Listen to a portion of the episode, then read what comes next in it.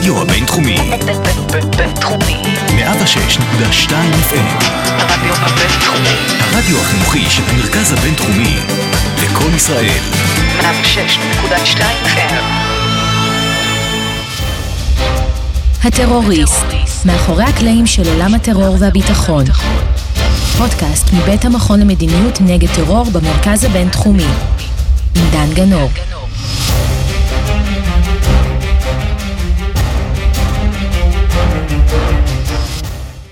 שלום לכולם, לי קוראים דן גנור ואתם על הטרוריסט, פודקאסט מבית המכון למדיניות נגד טרור והרדיו הבינתחומי הרצליה 106.2 FM. בפרקים שלנו אנחנו נחקור ביחד את תופעת הטרור מהרבה זוויות שונות, פסיכולוגיה, משפטים, תקשורת, כלכלה, ביטחון ומודיעין, סייבר ועוד. בכל פעם נארח מומחה אחד שידבר איתנו על סוגיה אחת, במטרה להבין קצת יותר את התופעה הזו.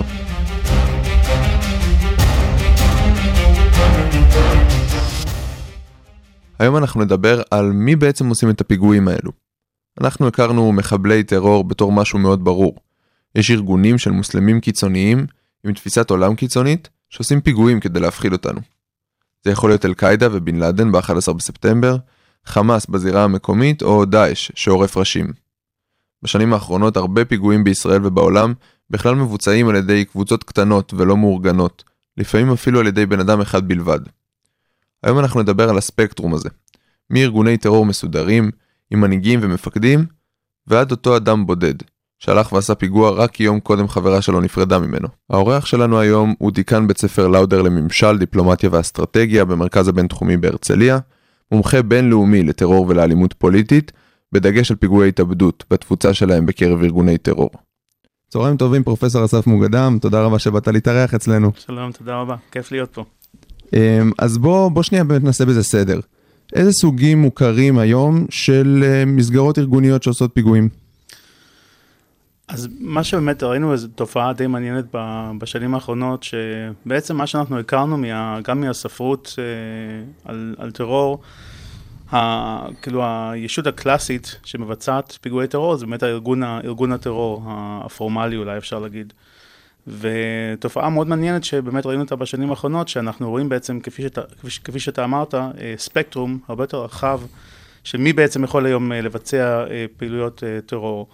אז מצד אחד כמובן שעדיין יש לנו ארגונים שבאמת מתמחים בטרור, ארגונים שאנחנו, חלק לא קטן מהם נמצאים פה בזירה שלנו, במזרח התיכון, אבל זה באמת רק סוג אחד של, של של שחקנים, אני קורא להם, אני נוטה לקרוא להם יותר שחקנים מאשר ארגונים, כי לא כל אחד מהם, הוא יש לו באמת אה, צורה של ארגון. אה, אז מצד אחד של הספקטרום, נגיד, יש לנו ארגונים יותר פורמליים, ארגונים באמת כמו אל-קאעידה או דאעש, ויש לנו אפילו, הייתי גם אומר, שגם מדינות יכולות גם כן כמובן להפעיל סוגים של טרור, אני לא הייתי קורא למדינה מדינת טרור, אבל מדינות בהחלט יש להן את היכולת ואת ה... את המוטיבציה גם, אה, גם להפעיל, אה, או שגם לתמוך כמובן בארגוני טרור. אז זה מצד אחד של, ה, של הספקטרום, הצד היותר פורמלי אולי של, ה, של הספקטרום. מהצד השני של הספקטרום יש לנו גם אה, שחקנים שהם יותר א-פורמליים או, או לא פורמליים, שפה אנחנו רואים באמת בשנים האחרונות למשל תופעות של חבר... אה, תנועות חברתיות אה, וגם כן רשתות בלתי פורמליות שהן גם כן יכולות היום בעצם להשפיע המון, לעשות פיגועים, מאוד קטלניים גם.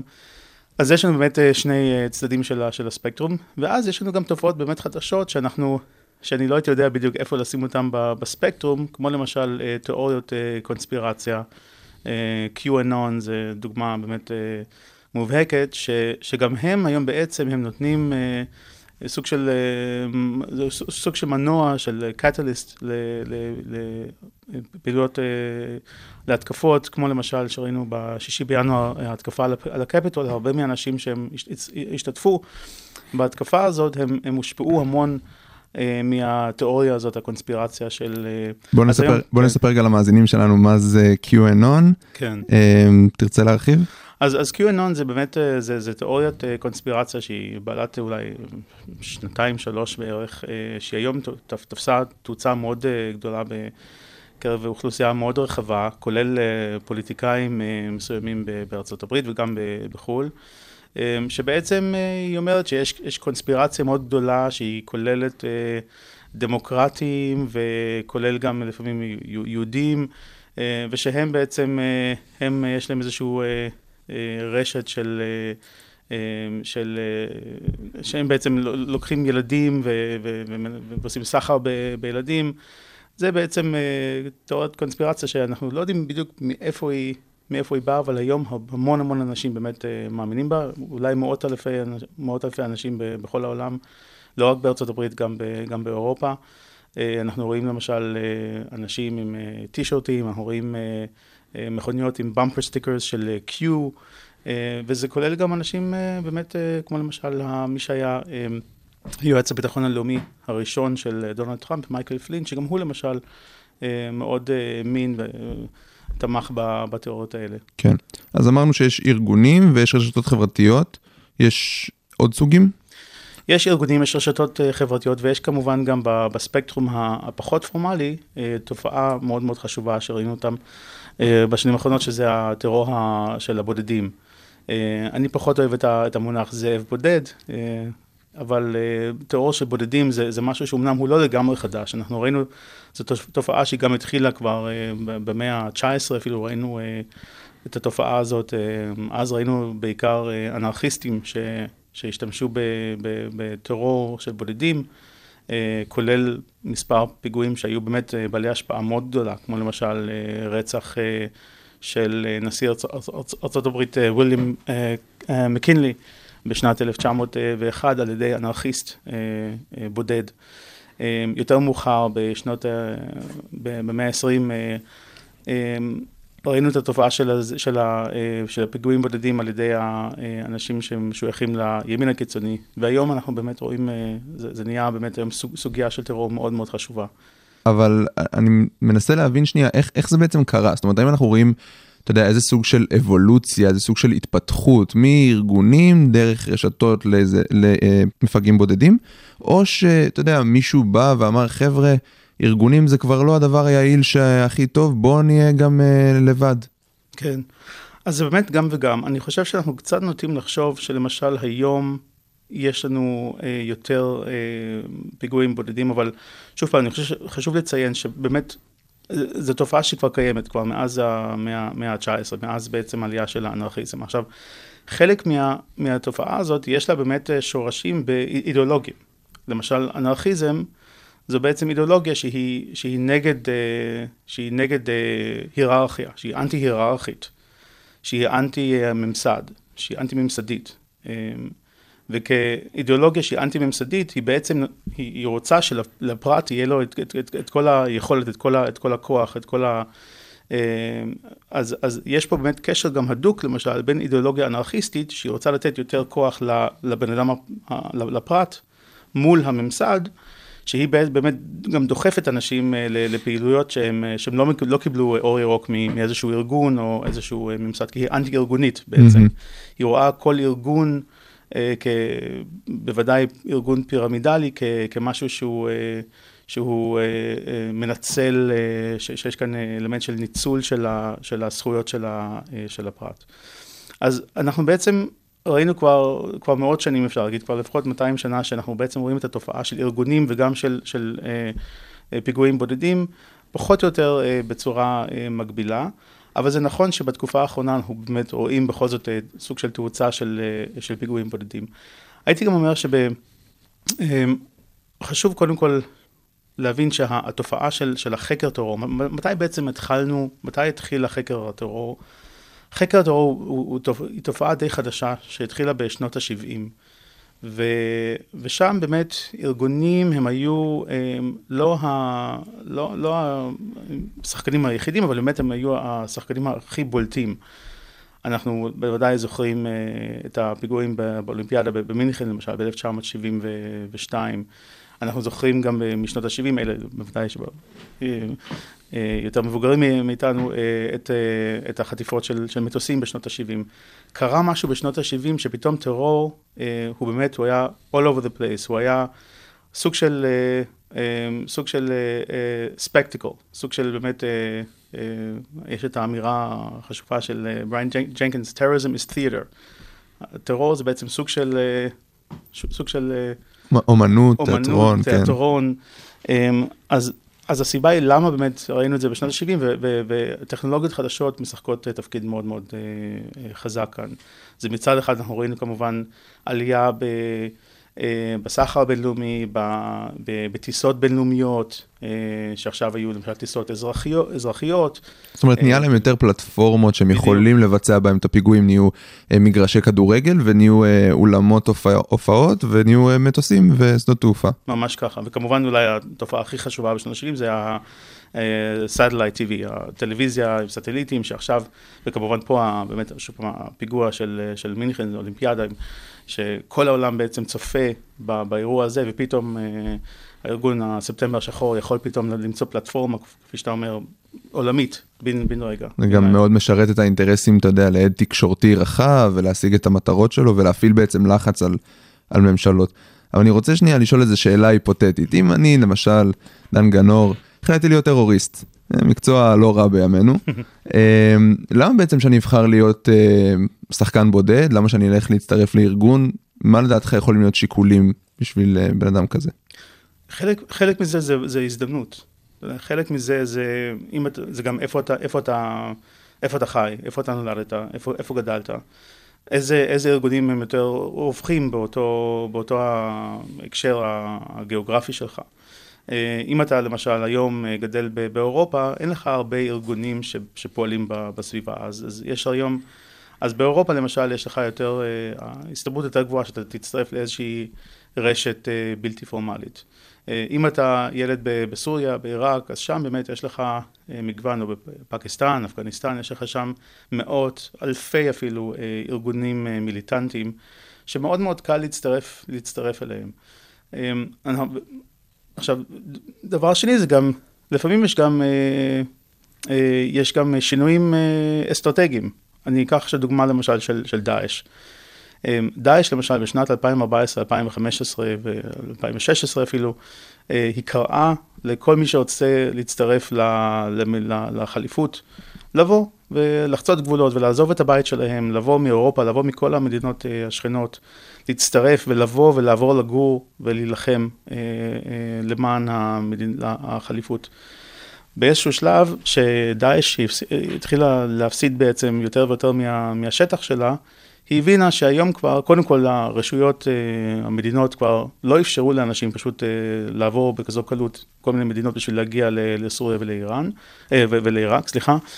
ו, אה, אז באיזשהו שלב אה, אה, אבו מוחמד אל-עדנאני, שהוא היה ה- אה, הספוקסמן של, של, של, של דאעש, הוא אמר להם, תישארו בבית. אנחנו היום כבר לא רוצים שתבואו אלינו, כי אנחנו רוצים באמת שאתם כבר תישארו בבית, כי מצד אחד הוא ידע שהרבה יותר קשה היום להגיע כבר לסוריה ועיראק, רוב הסיכויים שיתפסו על ידי הרשויות, ומצד שני, דאעש גם שינה באיזשהו שלב את האסטרטגיה, כבר לא היה להם את השטח בשביל אה, להילחם בצורה של אה, אה, ארגון מיליטנטי, בצורה של אה, אינסרג'נסי, מרדנות, אה, אלא הם הבינו שהם היום צריכים בעצם אה, אה, אה, להפוך עוד פעם להיות ארגון שהוא יותר ארגון טרור, לעשות פיגועים בחו"ל, במערב, ובשביל זה הרבה יותר נכון, בשביל מה שאנשים יבואו, אה, יחצו את כל הגבולות האלה, שישארו בבית ויעשו שם. כן, בדיוק. זאת אומרת, זה מעלה שאלה שהיא אפילו יותר אבסורדית, כי אני אומר, אתה יודע, איזה נער אה, בלגי, אוסטרי, שוודי, אה, פתאום קם, לוקח מזוודה ונוסע לעיראק. למה באמת שהוא יעשה דבר כזה? כאילו, מה יכול לגרום לו לעשות את זה? אמ, אז יש פה, יש פה באמת מספר, מספר גורמים שבחקר של רדיקליזציה, חוקרים, הם, הם, הם מצאו שמשחק תפקיד אה, מאוד גדול, יש יש פה תפקיד מאוד גדול ל- למספר גורמים. אחד זה למשל אידיאולוגיה.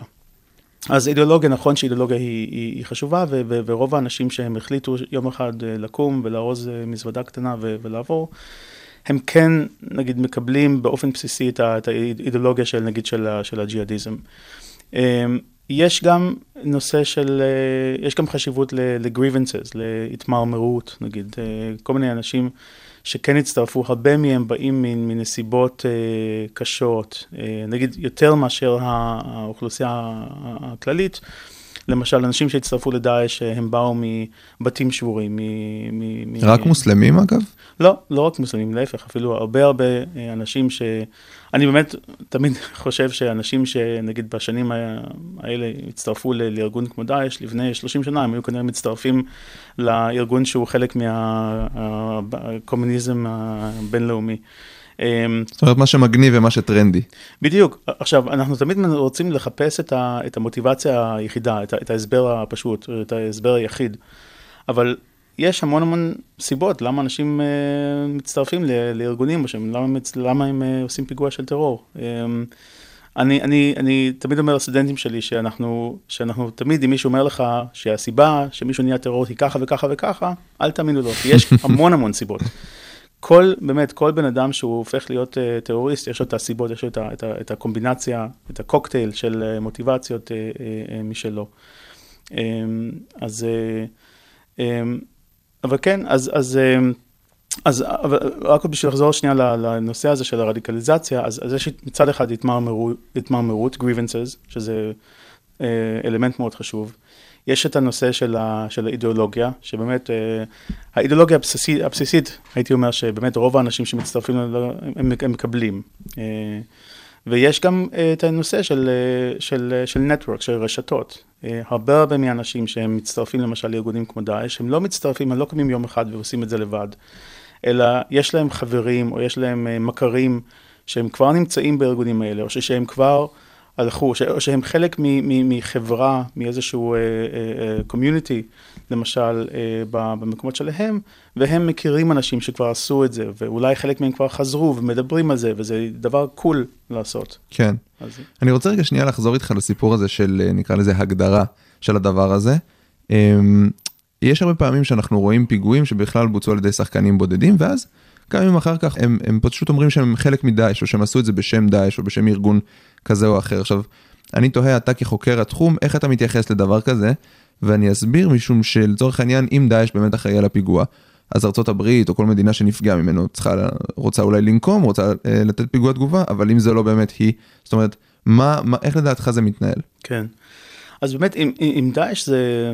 קודם כל, דאעש זה, זה באמת, זה, זה, זה תופעה מאוד מעניינת, בגלל שאני אמרתי מקודם שיש בעצם איזשהו ספקטרום אחד, שמצד אחד יש ארגונים יותר פורמליים, ומצד שני יש למשל אה, פיגועים אה, של בודדים. עם דאעש זה כבר, המודל שלי הוא כבר נהיה יותר בעייתי, בגלל שדאעש הוא בעצם סוג של ארגון הוא הרבה יותר מורכב. שמצד אחד הוא ארגון פורמלי, יש לו, אה, יש לו מנהיג, יש לו יחידות, יש לו... יש לו שרים, משרדים, אז הוא ארגון מצד אחד שהוא מאוד פורמלי, מצד שני יש לו גם אלמנטים של רשתות בלתי פורמליות. למשל, הפיגועים בפריז ובברוסל, הם נעשו על ידי רשת שמצד אחד הרשת הזה הוא כלל אנשים שהם היו באמת אנשים card carrying members של, של, של דאעש, אנשים שבאמת לחמו, שקיבלו, שהתאמנו בסוריה, בעיראק. מצד שני, הרשתות האלה שעשו את הפיגועים בפריז ובברוסל, הם, בשם דאעש, גם כן כללו אנשים שהיו מקומיים, שהם בחיים לא עזבו את, אה, את צרפת או את, אה, או את בלגיה, ופשוט הם היו אפילו אנשים שגם לא היו אה, עם אידיאולוגיה קשוחה או משהו, הם אנשים שהם הרבה פעמים היו פושעים. אבל גם הם, היה להם איזשהו תפקיד אחד חשוב בפיגוע הזה, נגיד תפקיד לוגיסטי למשל. ומצד שלישי, דאעש הוא לא רק ארגון פורמלי, שיש לו גם אלמנטים של אה, רשתות בלתי פורמליות, אלא גם הוא פתאום לקח חסות על כל מיני אנשים שהם נהיו אה, זאבים בודדים. שוב פעם, אני פחות אוהב את המונח, אבל... שחקנים ש... בודדים. שחקנים בודדים. אז אנחנו רואים גם היום שה... גם אם לא בהכרח היה קשר ביניהם, נכון? זאת אומרת, יכול להיות שהבן אדם קיבל השראה מהאידיאולוגיה של דאעש, ביצע בשם דאעש, הם לא דיברו איתו מעולם והם לקחו את האחריות. כן, זה נכון. אף על פי שגם חשוב להגיד שדאעש הם לא לקחו אחריות על כל בן אדם, על כל אה, מפגע בודד שהוא הלך והוא אמר שיש, היו גם כאלה שאמרו שהם תומכים בדאעש, אבל שדאעש אפילו לא, לא תמיד אה, קיבל את האחריות על ה... על ה אז, אז גם זה פה, זה, זה לא כזה פשוט, אבל... אמ, אבל כן, דאעש החליטו באיזשהו שלב ש, שהם בעצם רוצים לאמץ את, ה, את, ה, את הפיגועים הבודדים כחלק מהאסטרטגיה שלהם. אה, ובאמת כמה שהם יותר איבדו את השטח בסוריה ועיראק, התופעה הזאת תפסה יותר אה, תאוצה. ולאורך זמן, אה, דאעש היא באמת כבר לא יכלה בעצם לעשות אינסרג'נסי מקומי בסוריה ועיראק, להילחם נגד קבוצות מיליטנטיות, וכמה שהדגש, הם שמו יותר דגש במערב על פיגועי טרור, ככה הם גם לקחו יותר ויותר אחריות על, אה, על אה, פיגועים אה, של בודדים. אמ, אני רוצה להתעכב רגע באמת על הנקודה הזאת של הזכרת פיגועים בבריסל ובפריז, כולנו זוכרים את הפיגוע בבטקלן ופיגועים מאוד מאוד גדולים ואפקטיביים, נקרא לזה קטלניים אפילו. יש כל מיני דוגמאות לפיגועים של אה, שחקנים בודדים שהיו מאוד מאוד אפקטיביים, היה לנו את אה, טימותי מקווי בארצות הברית עם 165 הרוגים, בנורבגיה את אנדרס ברייביק עם 77 הרוגים, גם, אה, גם מהצד המוסלמי, מהצד האסלאמי, היה לנו את הפיגוע בניס. אמ, אז בעצם עולה פה שאלה, למה ארגונים ממשיכים להשקיע המון אנרגיה והמון משאבים, אם בן אדם אחד, אולי בלי הרבה מאמץ, ראינו בניס פיגוע דריסה, יכול לגרום למותם של אה, 86 הרוגים. תראה, קודם כל, בשביל, בשביל שמפגע בודד באמת יצליח אה, להרוג כל כך הרבה אנשים, זה דורש המון המון אה, מאמצים, הרבה אימון. לא כל מפגע בודד יכול, יוכל להצליח בעצם אה, לעשות... אה, הפיגועים של אנדרס ברייביק למשל, שאתה הזכרת, אה, הם באמת היו יוצאי דופן, וזה לקח המון המון הכנה ושנים של, שנים בעצם של, של הכנות וקפדנות. אמ, אבל יש פה עוד באמת, עוד, עוד עניין נוסף, וזה שאני אני הייתי אומר ש, שרוב הטרוריסטים, קודם כל, טרוריסטים, אנחנו הרבה פעמים לא רואים אותם כבני אדם, אבל הם, הם בני אדם. ובני אדם אה, הם, הם אה, חיות חברתיות. בני אדם, הם, הם היו מעדיפים, רוב הבני, רוב הבני אדם, אני, אני מאמין, רוב הטרוריסטים, הם היו מעדיפים לא להיות אה, מפגעים בודדים, הם היו מעדיפים להצטרף לארגון, כן, כי הם, הם מחפשים את החברה, הם מח- מחפשים את, ה, את הקהילה. אה, ו, ו, אז, אז, אז יש פה באמת עוד פעם שוב אלמנט של, אה, של הזדמנות, יש להם הזדמנות בעצם ליצור קשר. היום כמובן דרך האינטרנט יש הרבה יותר הזדמנויות ליצור איזושהי קהילה, אפילו אם זו, אם זו קהילה אה, וירטואלית. איך באמת אתה רואה את הרשתות החברתיות והאינטרנט כאיזשהו זרז באירוע הזה של הקצנה, של חבירה לארגונים, זה, זה קיים, זה קורה? כן. אני, אני בוודאי חושב שזו נקודה מאוד חשובה. אני, אני עוד שנייה אגיע לזה, אני רק רוצה להגיד משהו בהקשר של השאלה הקודמת שלך, למה בעצם, אה, למה מישהו בכל זאת, אה, אולי, למה ארגונים ירצו בכל זאת שאנשים יצטרפו, שלמה מישהו ירצה להצטרף לארגון מאשר להיות מפגע בודד, וזה שיש גם גישה מאוד מאוד אה, אה, חש- חשובה ורווחת בקרב אה, מומחים לטרור, שאומרים שיש אנשים שמצטרפים לארגוני טרור לא בגלל שהם דווקא מאמינים אה, באידיאולוגיה, או לא, לא בגלל סיבות אסטרטגיות או אידיאולוגיות, אלא בגלל שהם מחפשים אה, משמעות בחיים שלהם, בגלל שהם מחפשים אה, חברה. אה, תיאוריה של פסיכולוגיה פוליטית, אה, של social identity, של אה, זהות חברתית, היא אומרת בעצם שאנשים באמת מחפשים את, ה, את, ה, את החברה, מחפשים את הקהילה. אז זה, זה, זה, זה מאוד מאוד חשוב בהקשר הזה. ושכחתי את השאלה האחרונה לגבי. רשתות כן. חברתיות ואינטרנט, זאת אומרת, אני מניח שכל הסיפור בכלל של גלובליזציה, ואתה מדבר באמת על זהות חברתית, Mm. ואנחנו נמצאים בעולם מאוד חברתי היום, תכף נדבר גם על הקורונה ואיך זה השפיע, אבל בכללי, עולם מאוד חברתי שמצריך מאיתנו להיות אה, חברתיים, אנחנו רואים באמת השפעה של זה על, על אה, צורך של אנשים, אה, או יכולת של אנשים להגיע למקומות האלה? כן, אני, אני באמת חושב ש... ש... תראה, קודם כל אני חושב שכל בן אדם היום שהוא רוצה לפתח, שיש לו כל מיני דעות אה, לא נורמטיביות נגיד, הוא יכול למצוא תמיכה ב... ברשת, אתה יודע, כל אחד היום יכול ליצור, ליצור לעצמו את, ה- את הנישה שלו, את הקהילה שלו, אה, אתה יודע, בכלל אינטרנט זה דבר, אה, אה, זה דבר, אתה יודע, אני, אני כל הזמן... אה, אני אומר את זה לפעמים שהילדים שלי, יש להם כל מיני שאלות מעניינות, ולפעמים יש להם כל מיני המצאות, דברים שהם פתאום אומרים, אבא, שמעתי ככה וככה, האם זה נכון? אני אמרתי, אם אתם תלכו לגוגל ואתם תכניסו את זה לגוגל, אתם תמצאו שמישהו אומר שזה נכון. אל תאמינו לכל דבר שאתם אתם, אתם קוראים בא, באינטרנט, כי אתה יכול למצוא תמיכה לכל שקר באינטרנט, ו- וזה גם באמת אה, אה, גם נכון לטרור.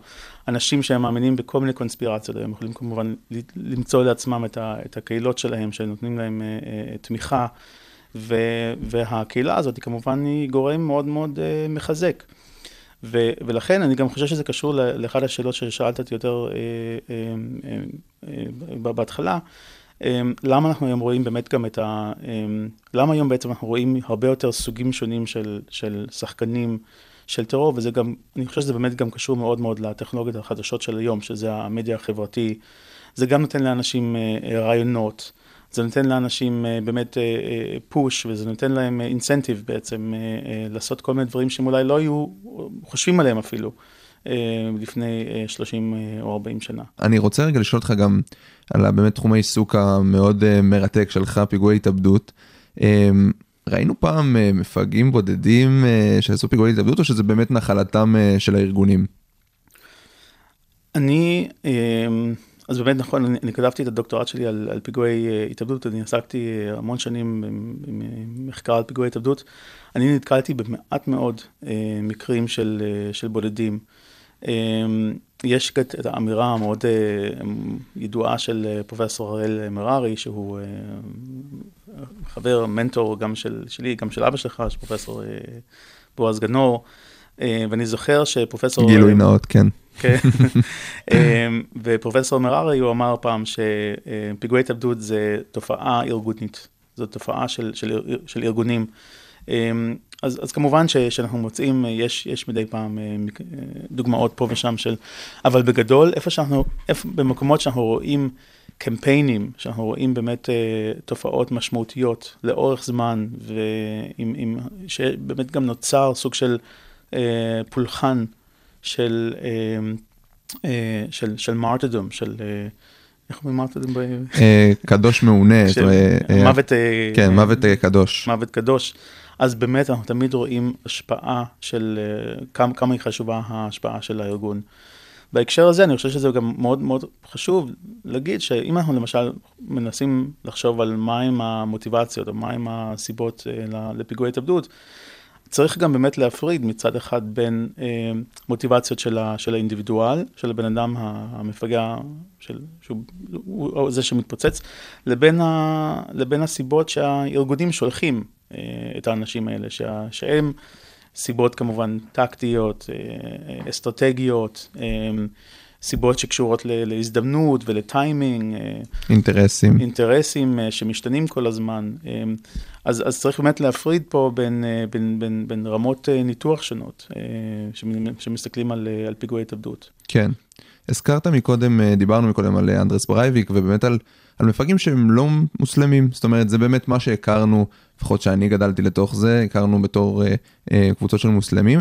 ואנחנו רואים בעשור האחרון בעצם עלייה, הזכרת גם את QAnon, את העלייה בפיגועים שאנחנו רואים גם בארצות הברית, גם באירופה, גם באוסטרליה, של מה שנקרא אידיאולוגיית העליונות הלבנה, נגד מיעוטים, בין אם זה יהודים, שחורים, אפילו עכשיו אנחנו ממש רואים גם אה, נגד אסייתים, עם כל הסיפור של הקורונה. אמ, ואנחנו רואים גם הרבה באמת על ידי זאבים בודדים, זאת אומרת, אה, בעיקר בשנה האחרונה. למה לדעתך זה המצב אנחנו פחות רואים אולי ארגוני טרור אמריקאים אה, לבנים מה שנקרא כמו ה-KKK של פעם? אמ, אז אני באמת חושב, יש דיוויד רפפורט, ההיסטוריון המפורסם של, של טרור, הוא, הוא אמר שלאורך ההיסטוריה המודרנית היו בעצם אה, ארבעה גלים גדולים של, ארבעה גלים מסיביים של, של, של סוגים שונים של טרור. שהיה את הגל האנרכיסטי אה, בסוף שנות המאה ה-19 ובתחילת המאה ה-20, אחרי זה היה את, ה, את הגל של, ה, של הטרור האנטי-קולוניאלי אה, בשנות ה-50, 60. יותר מאוחר היה את הגל השלישי של הטרור של השמאל הקיצוני, אה, כמו למשל הבאדר מיינהוף בגרמניה, וה-Red Brigades באיטליה, וה... קבוצות אה, בארצות הברית בשנות ה-70 ו-80, והוא אומר שהגל הרביעי הוא בעצם היה גל של הטרור הדתי. אז יכול להיות שאנחנו היום בעצם כבר גם נמצאים ב...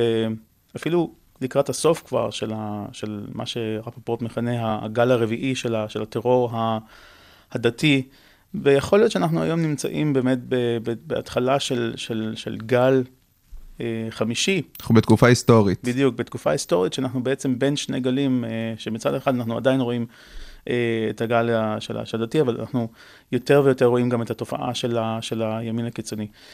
עם הימין הקיצוני, אני חושב ששוב פעם, גם, גם כאן חשוב לומר שזה לא תופעה לגמרי חדשה. אנחנו תמיד ראינו, מאז ש... לאומניות, nationalism, תמיד שיחק, אה, לא תמיד, אבל מאז המאה ה-19 הוא שיחק אה, תפקיד מאוד מאוד אה, חשוב.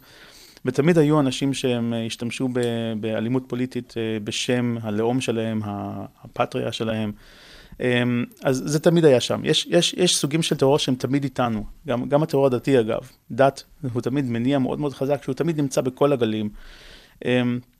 אבל, אבל באמת, אני היום למשל הרבה, הרבה יותר מודאג מה... מה... מה... מה... ספקטר, מה... מה... מהיכולת של הימין הקיצוני בעצם להפוך לגל באמת משמעותי. אני, אם תשאל אותי, אני חושב שהיום בארצות הברית כבר, אה, אני יותר מודאג מה... אה, מה, מהימין הקיצוני, ופה הייתי גם אומר שאני לא מודאג אך ורק, אגב, אה, מטרור של ימין קיצוני, אלא זו תופעה שהיא הרבה יותר רחבה. אנחנו לא יכולים להסתכל רק על, על טרור. כ- גם בפוליטיקה בדיוק. למשל, כן. נכון, יש לנו פה תופעה ש, של mainstreaming, של, אה, של אידיאולוגיה קיצונית. ש, שפעם זה היה פעם אתה באמת היית רואה אידיאולוגיות קיצוניות, היית רואה אותן בקרב אה, קבוצות מיליטנטיות. היום אתה כבר רואה שבאמת אה, חלקים הרבה יותר גדולים של האוכלוסייה כולה, הם אה, בעצם שואבים אה, אידיאולוגיות אה, קיצוניות, וזה מה שבאמת מדאיג. אנחנו רואים את זה גם באירופה למשל, שיש לך כל מיני מפלגות של הימין הקיצוני, שבאמת התחזקו לאורך זמן, והם... והם לא רק, זה, זה, הם, הם לא רק תופסים אנשים מהשוליים, הם גם תופסים באמת אנשים, בורז'וא, את הבורז'ואזי, ואנשים שהם נורמטיביים, כן. אפשר להגיד. אתה חושב שבאמת ה mainstreaming הזה של מפלגות ודעות קיצוניות בפוליטיקה הבינלאומית, אולי באמת קצת אה, ירחיקו את הטרור? זאת אומרת, אולי הפוליטיקאים יגידו, חבר'ה, אנחנו פה, מת- אנחנו תומכים באידיאולוגיה שלכם, אנחנו מקדמים אותה בדרכים לגיטימיות, אולי טיפה תרדו מהעץ הזה של אה, פיגועים, האם יש, אולי אפילו יש קשר ביניהם? אני חושב שכן, אני חושב שאנחנו באמת צריכים להסתכל על, על טרור לא כמשהו שהוא, שהוא חי ו, ו, וקיים בפני עצמו, אלא שהוא באמת, הוא, הוא מושרש, ב, אתה יודע, הוא נמצא במעגלים יותר, יותר רחבים של, של תמיכה. אמ, הוא נמצא, יש לו, אמ, יש, יש קהילות שתומכות אה, בקבוצות מיליטנטיות, ומעבר לקהילות האלה, ש- שיותר קרובות לקבוצות המיליטנטיות, יש, יש קבוצות יותר רחבות, ש- שגם הם, אה, יש להם, אה, אה, הם, הם, הם sympathizers, הם, הם, הם, הם, הם אה, אה, מסכימות עם ה, עם ה, עם, לפחות עם חלק מה, מהדעות הקיצוניות. אז אני חושב שזה באמת נכון, שאני חושב שאנחנו גם, אני חושב שגם כשאנחנו רואים למשל שבאירופה, קח למשל את, את אירופה, שהיום אה, הרבה ממשלות בהרבה מדינות אירופאיות היום, הם, הם, ה- מבחינת לחימה בטרור, הם, הם במצב הרבה יותר טוב ממה שהם היו, נגיד עוד לפני 20 שנה, מיד אחרי הפיגועים של 11 בספטמבר, שבאמת זו הייתה שם קטסטרופה שלמה. היום כבר יש חוקים חדשים, אה, המודעות עלתה. יש מוד, מוד, מודעות, אה, אה, מודעות עלתה. פשוט אני, אני באמת מתעניין גם בסיפור הזה, כי אתה מדבר על, על ממשלות אירופאיות שעכשיו הרבה יותר מודעות. באמת רוצה להסתכל שנייה הלאה. זאת אומרת, אנחנו עכשיו, אחרי שנת קורונה, אנחנו, ברוך השם, כבר די יוצאים מזה, באירופה עדיין מתקשים, אבל אפשר לומר שראינו פחות פיגועים בגלל פחות התקהלויות? היו אולי סיבות אחרות שגרמו לדבר הזה? אני, אני חושב שכן, אני חושב ש... אה, אני חושב שבאמת טרור, אה, ובאמת אה, ידידי היקר, פרופסור גנור, אמר את זה הרבה פעמים, טרור זה תמיד פונקציה של, של יכולת וגם של, של, של, של יכולת ושל, ושל מוטיבציה. ואני חושב שהתקופה האחרונה היא הייתה תקופה שהמוטיבציה אולי, אולי עלתה, אה, אבל היכולת פשוט אה, ירדה. אה, אז, אז אני באמת חושב, אבל, אבל שוב פעם, חשוב גם, חשוב פעם, חשוב גם להבין שזה לא, ש, ש, שיש יש פה הבדלים בין אה, גיאוגרפיים. שיש מקומות ש, שבאמת שם הקפידו יותר על ריחוק חברתי, אבל במ- במקומות, נגיד באסיה ובאפריקה ובמזרח במזרח אה, הרחוק אולי, בדרום אסיה, אה, שם כמובן אה, זה שיחק פחות תפקיד, כי שם אה, אנשים לא הקפידו על, על הנושאים האלה, אז שם אני לא בטוח שאנחנו ראינו אה, דווקא אה, ירידה ב, אה, בטרור. אז, אז מאוד, מאוד חשוב תמיד להסתכל על, על ההקשר המקומי גם אה, ברור. בנושא הזה. ו- ואם אני מחבר את זה באמת לנושא שלנו וככה מנסה לעטוף אה, ולסכם את הסוגיה שלנו, אתה חושב אולי שהריחוק החברתי וכל הסיפור הזה באמת בידודים ואנשים בסגרים, לאיזה צד זה יותר משחק? לכיוון של הקצנה של אוקיי, אני יודע שאני יכול להסתדר לבד ו- ופיגועים בודדים, או שאולי מאוד חסר החברתיות ו- והצורך אולי בארגונים, ואולי אולי אפשר להסיק משהו מזה? אמ, וואו, שאלה, שאלה מורכבת. אני חושב, אה, תראה, מצד שני, מצד אחד אני חושב שאנשים באמת אה, למדו, מה זה למדו? אנשים, אה, לא היה להם מנוס מלהסתדר לבד בשנה האחרונה, כמה, כמה שאפשר. מצד שני, אני חושב שאנשים כן חיפשו, כן חיפשו את, ה, את הקהילה הווירטואלית. ב...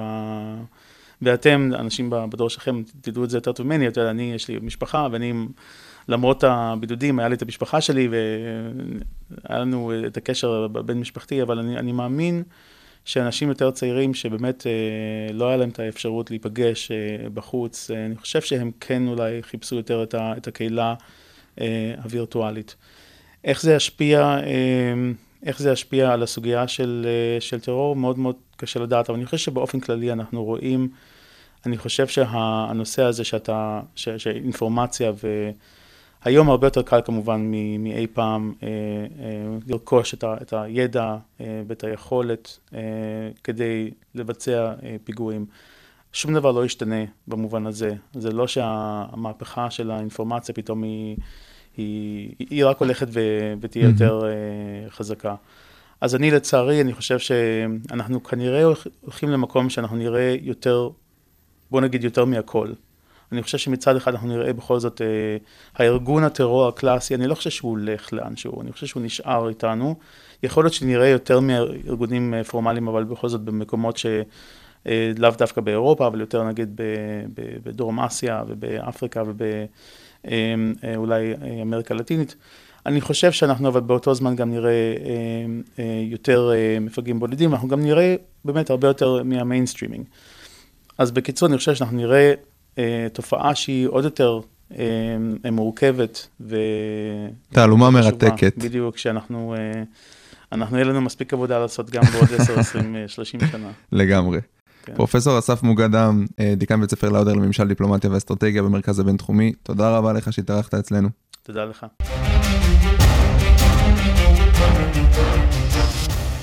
אנחנו בחרנו לקרוא לפרק הזה טרור ביחד או לחוד. הוא משקף את המתח בין הצורך החברתי של הטרוריסט להיות בקבוצה, כזה שאולי אפילו יתגבר בגלל הקורונה, לבין הצורך של כל אחד לפעול בעצמו, מהמניעים האידיאולוגיים והאישיים שלו, ולהרגיש שהוא משנה את העולם. למדנו שקיצוניות היא דבר שיכול להיות אופנתי וטרנדי, ויש לה הרבה היבטים חברתיים, מה שממש יכול להשפיע על הדרך שבה יבחר הטרוריסט. תודה רבה שהצטרפתם לעוד פרק של הטרוריסט, נתראה בפעם הבאה.